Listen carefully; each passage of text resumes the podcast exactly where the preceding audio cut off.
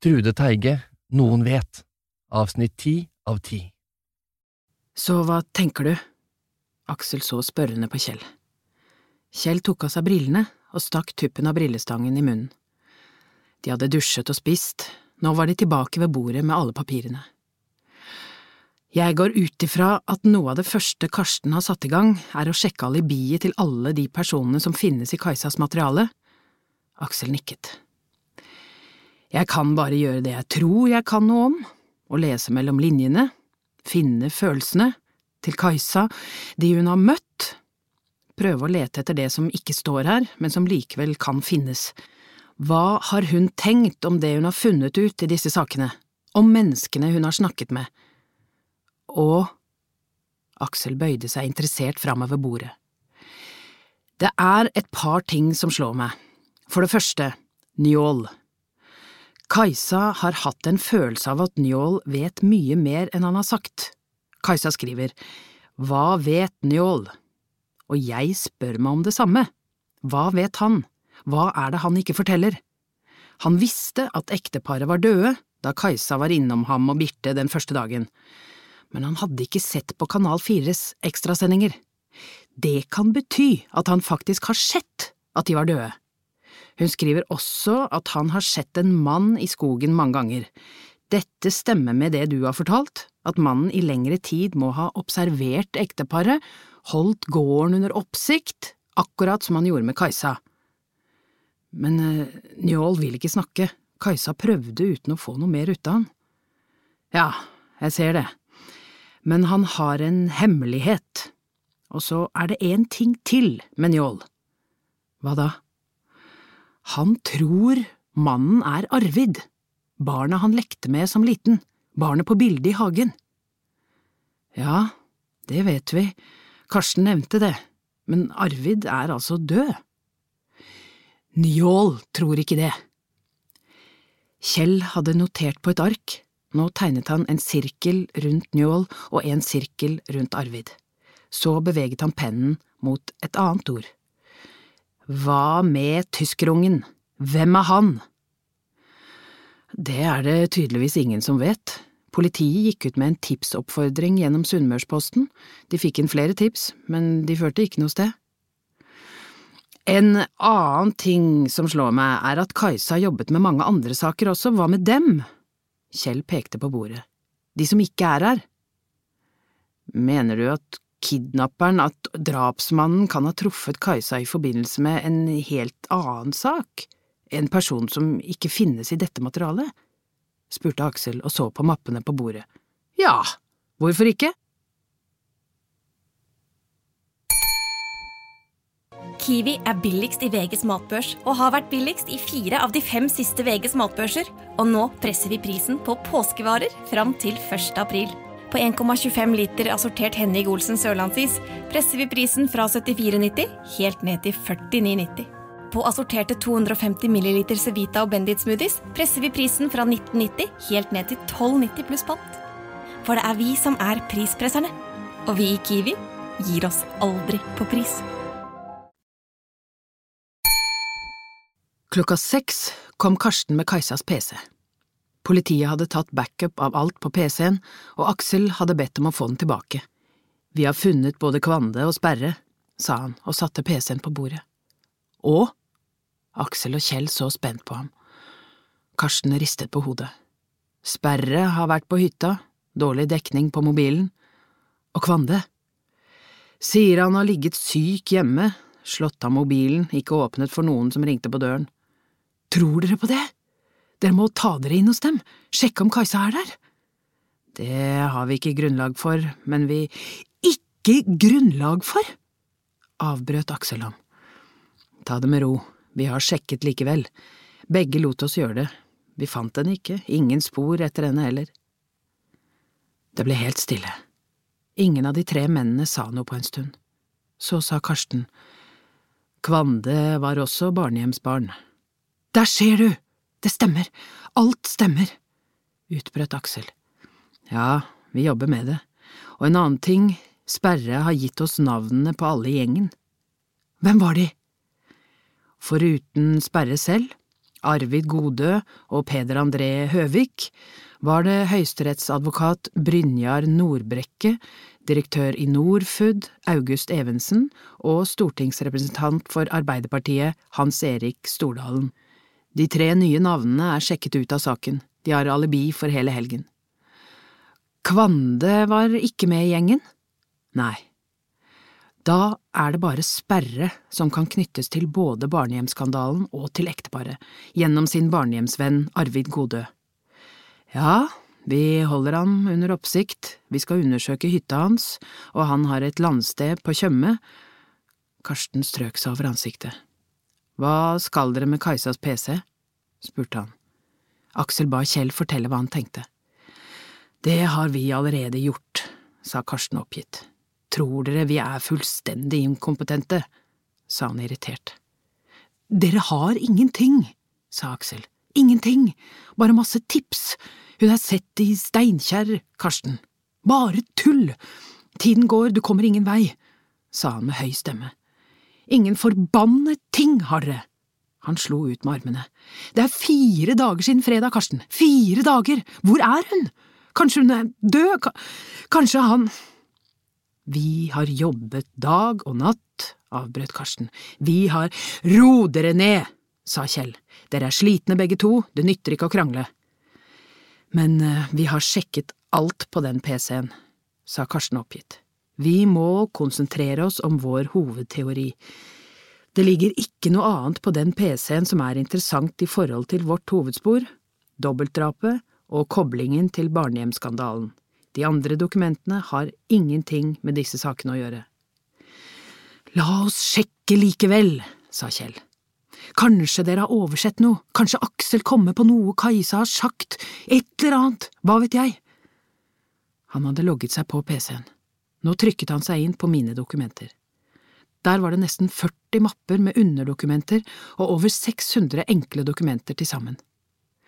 La oss begynne med det som har vært i bruk siden mars, foreslo Kjell. Her går vi inn. Sånn. Dette er de dokumentene som Kajsa har jobbet med det siste året. Det er jo mange hundre, sa Aksel oppgitt. Jo, men så trykker vi her, og så her, og sånn, så har vi de dokumentene som hun har vært inne på de to siste månedene. Karsten og Aksel bøyde seg over PC-en. Listen viste 35 dokumenter og åtte mapper med underdokumenter. Psykiatri, eldreomsorg, sykehusøkonomi barnløshet, nakkesleng, barnehjemsbarn, kreftbarn og dobbelttrappe. De åpnet en etter en. Aksel kommenterte fortløpende. Kajsa har ikke laget noen reportasjer om psykiatri og sykehusøkonomi i det siste. Se her, det er bare referat fra telefonsamtaler og tips hun har fått, sikkert sånn som hun har skrevet ned med tanke på eventuelt å bruke det senere. Hva med eldreomsorg? spurte Karsten. Aksel husket at hun hadde laget noen saker om det, men ikke hva de gikk ut på. Hun lager saker om eldreomsorg stadig vekk, det er hennes hjertebarn, og der er det jo nok elendighet å ta av. Ok, barnehjemsbarn og dobbeltdrapet har vi kontroll på, så er det kreftbarn, det må være denne serien om Sigrid, sa Karsten. Kjell klikket seg inn på underdokumentene, alle hadde navn som titler. Dette er navnene på familien, sa Aksel og ba Kjell scrolle nedover. Denne er en statssekretær i Helsedepartementet, sa han og pekte på skjermen. Dette er helsedirektøren, sykehusdirektøren, og hun er direktør i Kreftforeningen. Hvem er dette? spurte Kjell og pekte på et navn på skjermen.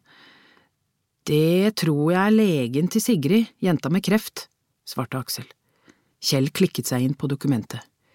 Pete Howick, Druen, Aker Brygge, 23. mars, sto det øverst. Det var et referat fra en middag hun hadde hatt med legen. Howick, sa Kjell og leste nedover dokumentet. Pete Howick? Ja. Aksel så spørrende på Kjell. Kjenner du ham? Jeg tror Kajsa nevnte en gang at han er norsk-amerikaner, iallfall utdannet i USA. Kjell scrollet videre nedover siden. Helt nederst hadde Kajsa notert hva hun hadde tenkt etter møtet med Howick. En lege som gir alt for pasientene sine, dyktig, nesten nerdete opptatt av faget sitt, pertentlig, nøyaktig, omsorgsfull, enslig. Hun er tydeligvis imponert over denne legen, sa Karsten. Hva var hovedpunktene i profilen på dobbeltdrapsmannen? Kjell kastet et spørrende blikk på Aksel. Han er smart, høy IQ, trolig høy utdannelse, usedvanlig metodisk og systematisk, nerdete opptatt av det han driver med, enslig. Dyktig, pertentlig, nerdete, leste Kjell og så ettertenksomt på skjermen. Enslig. Hva mener du? spurte Karsten. Nei, jeg vet ikke, svarte Kjell. Nerdete opptatt av faget sitt? Spesialist? Han snudde seg ivrig mot Aksel og Karsten. Howick. Han heter Howick. Hører dere det ikke? Hører hva da? spurte Aksel utålmodig. Howick!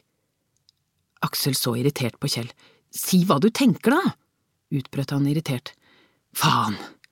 utbrøt Karsten. Han grep mobiltelefonen. Aksel stirret på navnet. Hva da? Han så utålmodig på Kjell. Hovik, sa Kjell med norsk uttale. Peter, Pete, Peder, Howick, Hovik. Du mener Høvik, Peder, André? Karsten var allerede i gang med å gi sine instrukser på mobilen. Sjekk hvor han bor. Ja, Pete Howick, og alibisjekk ham med en gang. Var han på jobb i helgen? Er han på jobb nå? Og det viktigste, hvor bor han? Aksel ga tegn til Karsten om at han ville si noe. Karsten ba vedkommende i den andre enden om å vente, og så spørrende på ham. Kanskje han er amerikansk statsborger? sa Aksel. Mannen kan være amerikansk statsborger, kontakt amerikanske styresmakter, finne ut hvor han kommer fra, bakgrunnen, studiene, familien, alt, jeg vil vite alt om den mannen, sa Karsten med høy stemme inn i telefonen. Kan han være Peder André Høvik, sa Aksel. Er det han som har tatt Kajsa? Er det han som har tatt livet av Alfhild og Jørgen Gode? Bestevennen, rømningskompisen til sønnen deres, lege? Det stemmer, ketamin, dop, morfin, avskåret hender.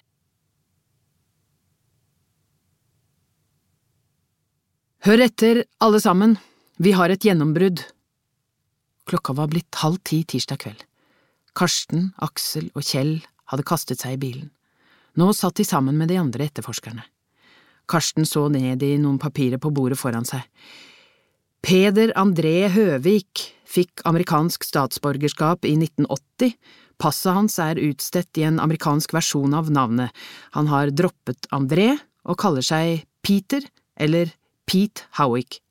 Han var ferdig utdannet lege i 1986, videreutdannet seg til kreftspesialist, også i USA, og kom til Norge og fikk en stilling ved Rikshospitalet i 1992. Karsten vendte blikket utover forsamlingen. Howick bor i en leilighet på Lysaker brygge, vi er i dette øyeblikk i ferd med å ta oss inn. I det samme ringte telefonen hans, det var helt stille i rommet da han svarte. Aksel satte seg fram på stolen, pulsen økte, han pustet fort. Ja, svarte Karsten. Jaha. Nei vel.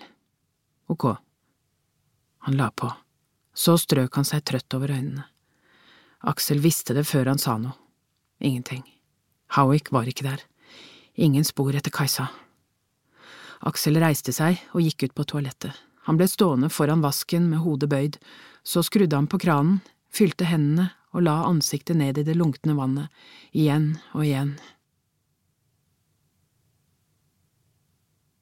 Han låste opp døren til boden og ba Kajsa følge med ham. Hvor skal vi? spurte hun. Han svarte ikke, ga henne bare klærne og ba henne legge seg i baksetet på bilen. Hun lå helt stille. Han låste dørene og stilte inn speilet, sånn at han kunne følge med på henne. Han trodde ikke hun ville finne på noe dumt, hun hadde oppført seg helt eksemplarisk det siste døgnet, men trygg kunne han jo ikke være. Han slo av lysene på bilen i god tid, før han passerte de siste husene. Det var en klar kveld. Månen var nesten full og lyste opp veien og skogen. I den ene enden av stallen var en liten garasje. Han gikk ut, låste bilen, mens han åpnet den gamle dobbeltdøren. Det skrek i hengslene. Så kjørte han inn og slo av motoren. Hvor er vi? spurte hun. Kom, svarte han og åpnet døren for henne. De gikk ut på den åpne plassen foran huset. Han tok henne i armen. Nei, sa hun, ikke inn dit, vær så snill. Stemmen hennes var tynn som et barns. Ta det med ro, vi skal ikke inn der, vi skal dit, sa han og pekte mot skogen.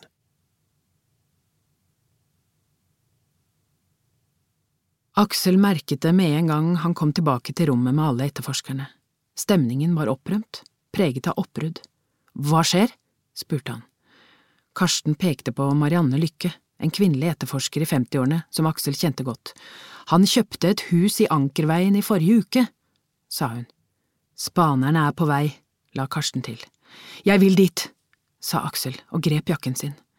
Vent, det kan ta tid før vi eventuelt rykker inn, det er ingen vits, du… Ikke prøv å stanse meg, Karsten, jeg vet hun er der, hun må være der. Ok, men vi må avvente situasjonen litt for å vurdere om beredskapstroppen skal rykke inn, vi må først spane på huset. Ok, men jeg vil være der når de rykker inn.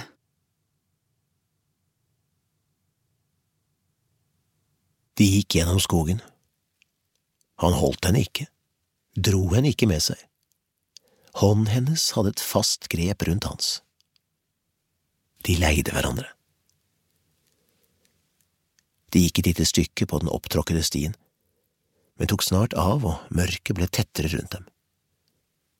De var utenfor allfarvei.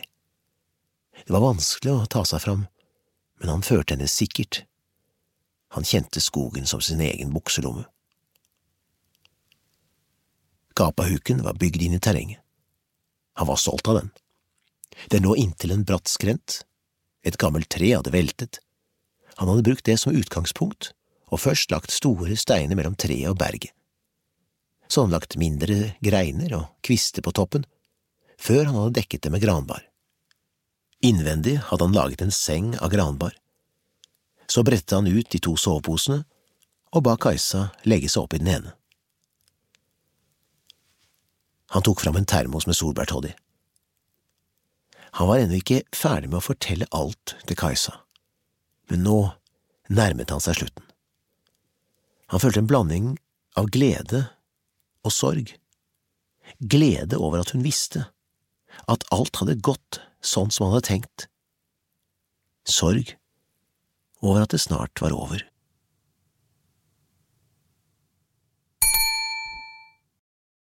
Kiwi er billigst i VGs matbørs og har vært billigst i fire av de fem siste VGs matbørser. Og nå presser vi prisen på påskevarer fram til 1. april. På 591 gram Toro vaffelmiks presser vi prisen fra 35,90 helt ned til 29,90. På 410 gram Lerum jordbærsyltetøy presser vi prisen fra 29,40 helt ned til 22,90. For det er vi som er prispresserne. Og vi i Kiwi gir oss aldri på pris. Tiden gikk ulidelig sakte. Karsten og Aksel satt i bilen og ventet et par hundre meter fra huset der også Delta-bilene og en ambulanse sto. De fulgte med på sambandet. Spanerne hadde holdt huset under oppsikt før de bestemte seg for å rykke inn. Det var ikke tegn til liv. Aksel hadde puls på 200. Han holdt begge armene rundt kroppen for ikke å riste. Han kjente seg frossen helt inn til beinmargen, til tross for at det var en forholdsvis varm vårkveld. Han hørte menn som ropte, han klarte ikke å forstå noe av det. Så ble det stille. Lenge. De har funnet Kajsa, tenkte han. Hun er død. Det er derfor de er så stille. Så var det noen som anropte Karsten. Ja. Stemmen hans var presset. Aksel så på ham, prøvde å tyde ansiktsuttrykket. Han så bare et fjes som var grått, grimete. Han er like sliten som meg, tenkte Aksel. Han hadde aldri sett Karsten sånn før, til tross for alle de sakene de hadde jobbet med sammen. Saken er personlig for ham, tenkte han. Han så at Karsten beveget munnen, men lyden var borte. Tiden sto stille. En mann kom ut fra huset ved siden av bilen med en søppelpose i hånden. Han gikk bort til søppeldunken og kastet posen oppi, stanset og så nysgjerrig på Aksel og Karsten, på de store, svarte bilene til beredskapstroppen og ambulansen. Så snudde han og gikk inn igjen. Han skulle bare ut med søpla. Aksel så på Karsten, som satt og presset pekefingeren og tommelen mot neseroten mens han knep øynene hardt sammen. Han bryr seg også om Kajsa. De hadde møter, de spiste middag, tenkte han idet Karsten sa Fikk du med deg det? Nei, Howick er ikke der, Kajsa er ikke der. En tyngde presset ham hardt mot setet. Hvor i helvete er de da? skrek han og slo i dashbordet.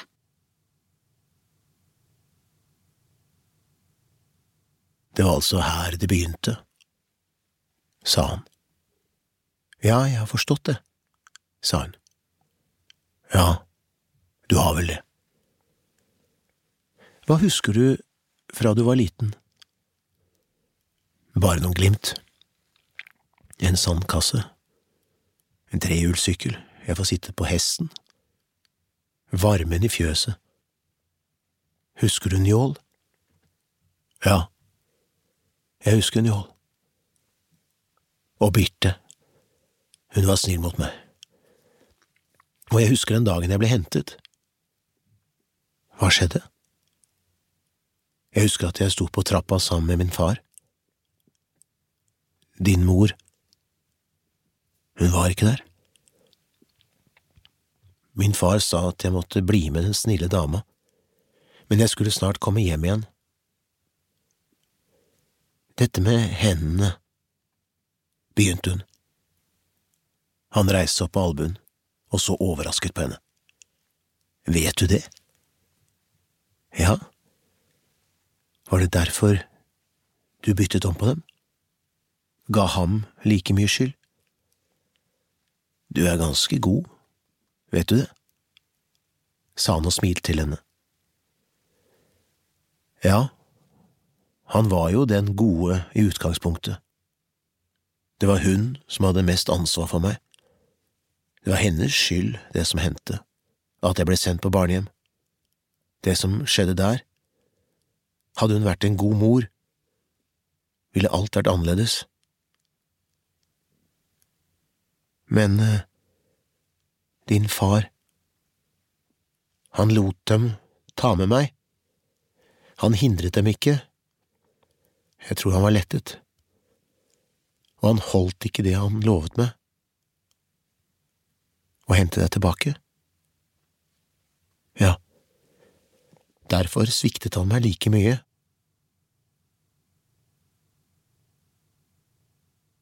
Ti minutter senere sto Aksel sammen med Karsten i døren inn til boden i huset i Ankerveien. Har dere funnet noe? spurte Aksel. Hun har vært her, jeg kjenner det på meg, sa han og så mot madrassen på gulvet. Ja, noen har iallfall ligget på den madrassen. Karsten gikk inn i rommet. Det var kaldt. Han gikk helt bort til madrassen. Så bøyde han seg ned på kne, stakk nesen helt ned til puten. Han så ut som en muslim i bønn. Han snuste hardt og rettet ryggen. Ja, Kajsa har vært her. Eternity, la han forklarende til. Du vet hvordan hun lukter, sa Aksel. Karsten svarte ikke. En av etterforskerne kom inn til dem. Kan du se på denne? sa han henvendt til Aksel og holdt opp en plastpose. Det er en hårstrikk. Aksel tok den og holdt den opp mot lyset. Den er Theas, sa han. Hun har noen slike, med mariøyne på. Kajsa må ha hatt den i håret.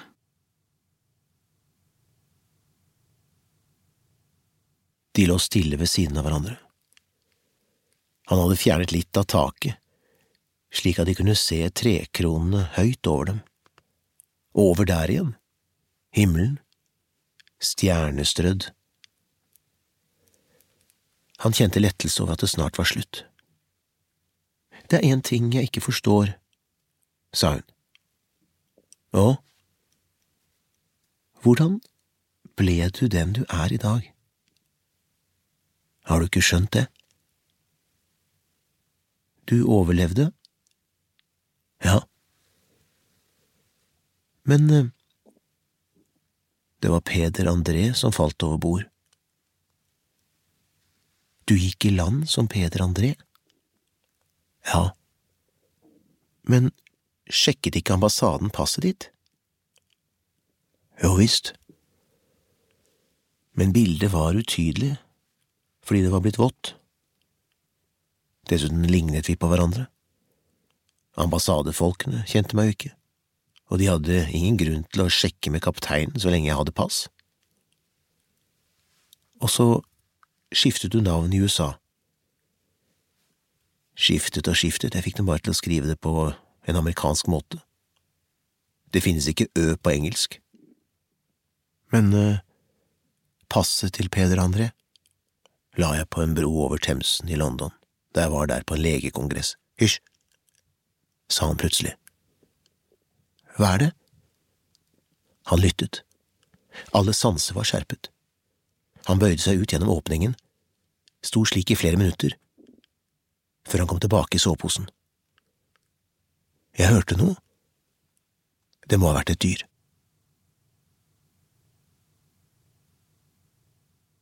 Aksel våknet med trykk. Han så på klokkeradioen. Fem på to.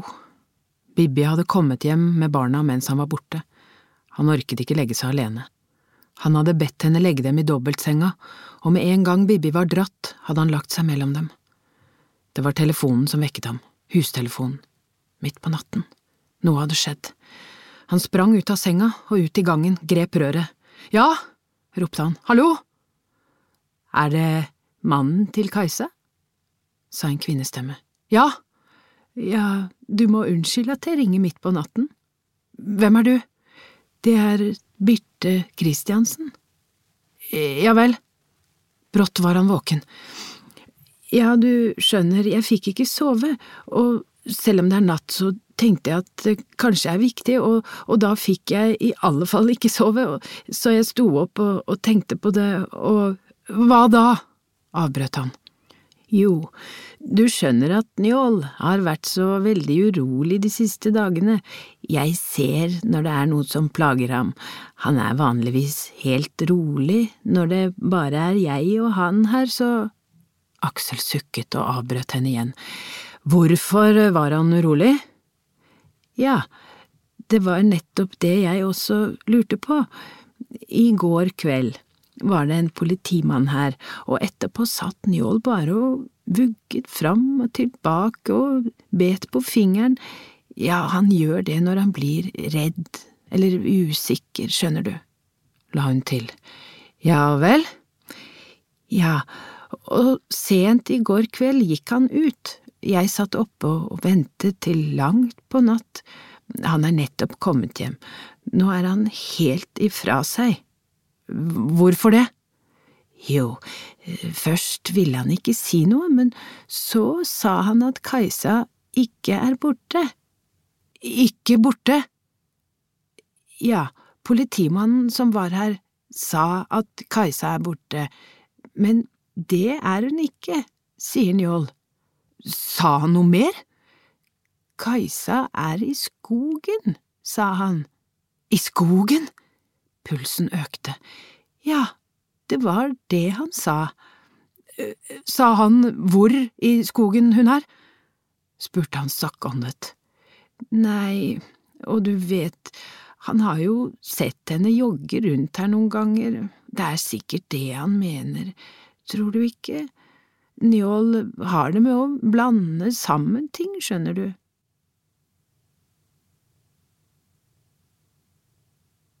Han merket at roen var i ferd med å forlate ham. Det vanskeligste gjensto.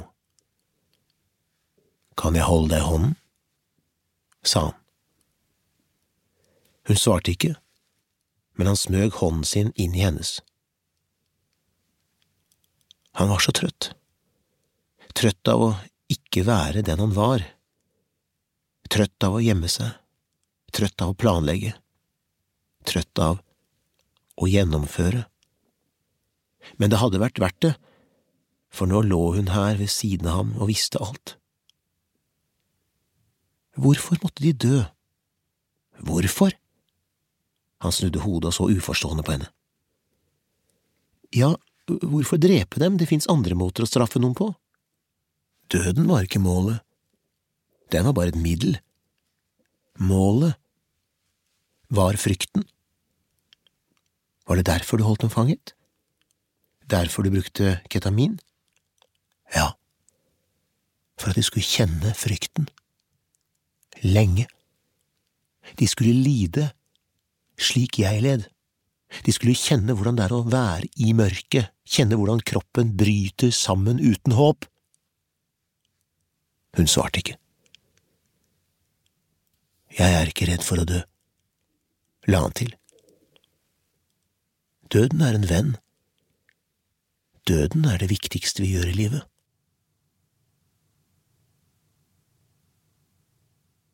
Da Aksel kom til gården, var plassen foran huset full av deltabiler, to ambulanser, politihunder og politifolk.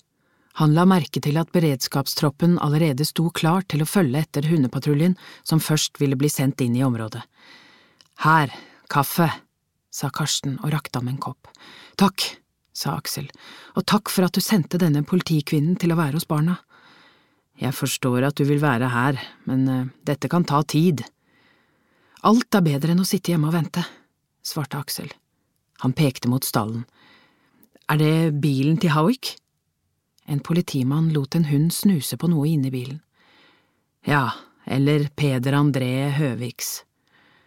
Så Kajsa er der inne, sa han og så mot skogen. Vi går ut ifra det. Aksel så på ambulansen. Den er til Kajsa, tenkte han. Ville hun være… Nei, han måtte ikke tenke på det. Fikk dere noe ute av Njål? spurte han. Nei, han har stengt seg inne på rommet sitt, nekter å komme ut, men vi har en politimann der som prøver å få han ut. Vi får sette vår lit til hundene, vi vurderer også varmesøkende helikopter. Innsatslederen og et par menn fra beredskapstroppen sto lent over et bilpanser med en stor lommelykt. De diskuterte ivrig, innimellom snakket de på sambandet. Aksel satte seg inn i bilen og ventet.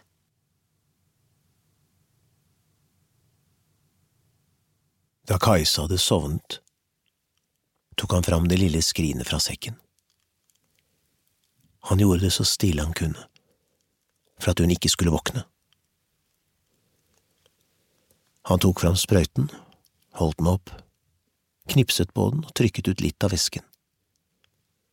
Det var vanskelig å se, men det spilte ingen rolle om han sprøytet ut for mye. Det var uansett nok. Han snudde seg mot Kajsa for å sjekke at hun sov. Hun lå helt stille, med øynene vidåpne. Ikke, gråt hun. Jeg vil ikke dø. Barna mine, skal barna mine miste moren sin, vokse opp uten meg? Hvordan kan du gjøre det, vær så snill, vær så snill, vær så snill? gråt hun. Ikke gjør det, Arvid. Arvid. Hun kalte ham Arvid. Ja, nå var det fullbrakt. Han la hånden over munnen hennes. Øynene hennes utvidet seg. Hun pustet hardt gjennom nesen. Ikke gråt, sa han. Det er ikke mer å gråte for nå. Det skal aldri være noe mer å gråte for. Han fjernet hånden fra munnen hennes.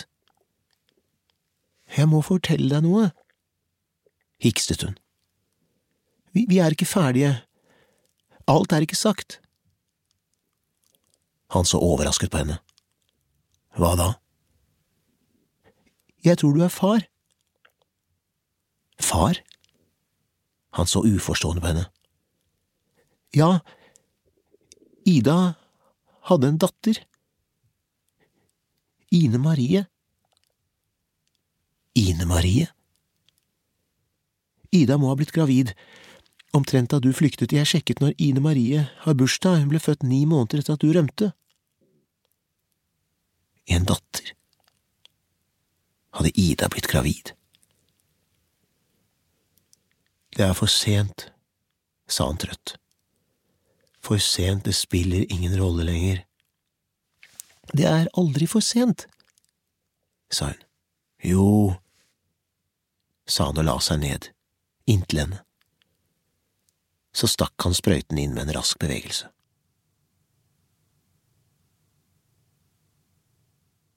Det var gått 50 minutter, og Aksel vekslet mellom håp og fortvilelse da Karsten kom løpende. Hva skjer? spurte Aksel. Kom! Det spraket i sambandet. Begge objektene lokalisert, sa en stemme. Tilstand? Aksel vet ikke hvor mange sekunder det er stille, det kjennes som mange minutter. Mann død, hører han så. Og Kajsa?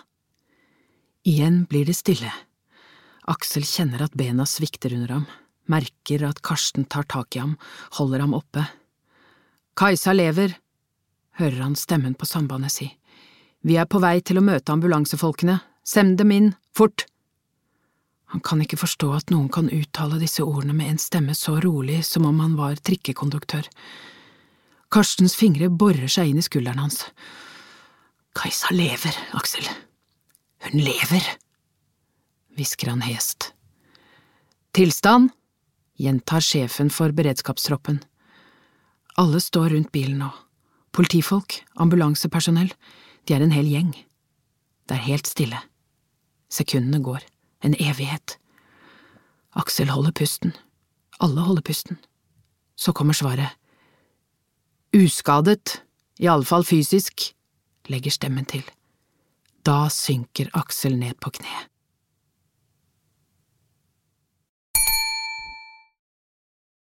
Kiwi er billigst i VGs matbørs og har vært billigst i fire av de fem siste VGs matbørser. Og nå presser vi prisen på påskevarer fram til 1. april. På 240-250 gram assortert Moro potetgull presser vi prisen fra 32,90 helt ned til 24,90. På assorterte 250 ml Cevita og Bendit smoothies presser vi prisen fra 1990 helt ned til 12,90 pluss pant. For det er vi som er prispresserne. Og vi i Kiwi gir oss aldri på pris. Kommer mamma hjem snart? Anders og Thea sitter ved frokostbordet neste morgen. Anders ser spørrende på faren. Aksel står med VG i hånden ved oppvaskbenken, han vil ikke at barna skal se avisen. Et stort, kornete bilde, tydeligvis tatt med telelinse, pryder forsiden. Han og Karsten går på hver sin side av båren med Kajsa. Overlevde fem døgn med seriemorderen, står det. Han blar opp inne i avisen og skummer teksten. Den kjente Kanal 4-journalisten Kajsa Koren var uskadet da beredskapstroppen fant henne i natt i et skogområde ikke langt unna åstedet for dobbeltdrapene i Asker i mars. Mannen som hadde bortført henne er, etter det VG kjenner til, den samme som tok livet av ekteparet Alfhild og Jørgen Gode. Politiet ville i natt ikke frigi ytterligere opplysninger utover at gjerningsmannen hadde tatt sitt eget liv. Han legger fra seg avisen på benken med framsiden ned. Ja, vennen min, nå kommer mamma hjem. Jeg vil til mamma nå, sier Thea trassig. I ettermiddag kommer mamma, du må vente til da, svarer Aksel. Thea setter i å stortute. Jeg vil til mamma nå! Hun reiser seg opp, og Aksel springer til idet hun mister balansen. Han holder henne hardt i armene, hun bukter og bender seg i sinne. Dumme pappa, jeg vil til mamma nå! Roper hun og slår med de små nevene mot farens bryst. Aksel holder henne fast, håret hennes kiler mot ansiktet, hun lukter sjampo og leverpostei. Så møter han blikket til Anders. Han setter Thea ned på gulvet. Neimen, gråter du? sier han og setter seg på huk og legger armen rundt skulderen til sønnen. Hva er det? Jeg var så redd for mamma. Aksel stryker ham over håret. Hvorfor var du redd? For at hun aldri skulle komme tilbake. Men du sa at hun var i Spania, men det var hun ikke, du løy. Anders ser anklagende på faren. Hvordan vet du det? Mormor trodde jeg sov, men så sto jeg opp, og mormor satt og så på nyhetene på TV og gråt. Det var bilder av mamma, og de sa at hun var borte at noen hadde tatt henne? Når så du det på TV? Den første kvelden hos mormor. Men nå er det ikke mer å være redd for, sier Aksel. Nå kommer mamma hjem. Hvor er hun? På sykehuset. Er hun syk? Nei, hun skulle bare hvile der i natt, hun har det fint nå. Anders tørker øynene med håndbaken og reiser seg fra bordet. Kan mamma hente meg i dag? Ja, kanskje, hvis ikke er hun her når du kommer fra skolen. Helt sikkert. Kors på halsen? Ja, kors på halsen, svarer Aksel og tegner et kors på brystet. Jeg skal dra på sykehuset og hente henne nå, sier han og reiser seg. Kom, nå må vi gå hvis du skal rekke skolen. Han ser avventende på sønnen, engstelig for at han ikke vil. Ok, sier Anders og går ut i gangen for å kle på seg. Har du lyst til det? spør Aksel lettet. Liker du å gå på skolen? Jeg har fått en ny venn. Han heter Torbjørn og går i parallellklassen min. Å, så bra. Han liker heller ikke å spille fotball. Liker du ikke å spille fotball? Alle gutter spiller fotball, og du har til og med pappaen din som trener. Mamma har sagt at man ikke må være med på noe man ikke liker. Anders ser trassig på faren. Har hun sagt det? Ja, og når mamma kommer hjem, kan jeg slutte på fotballen. Ja ja, det blir nok som mamma bestemmer, svarer Aksel og sukker. Men han rusker Anders i håret og smiler.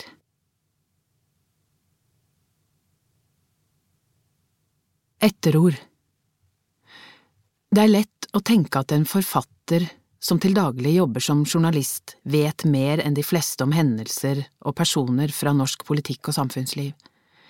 Jeg finner det derfor på sin plass å presisere at denne boken er fiksjon. Når lett gjenkjennelige personer og hendelser danner et bakteppe for historien i boken, er disse basert på allerede offentlig tilgjengelig informasjon. Det som går utover dette, er ene og alene et resultat av min fantasi. Jeg har også benyttet meg av forfatterens dikteriske frihet til å plassere personer og hendelser i en annen tid og kontekst enn slik det var i virkeligheten.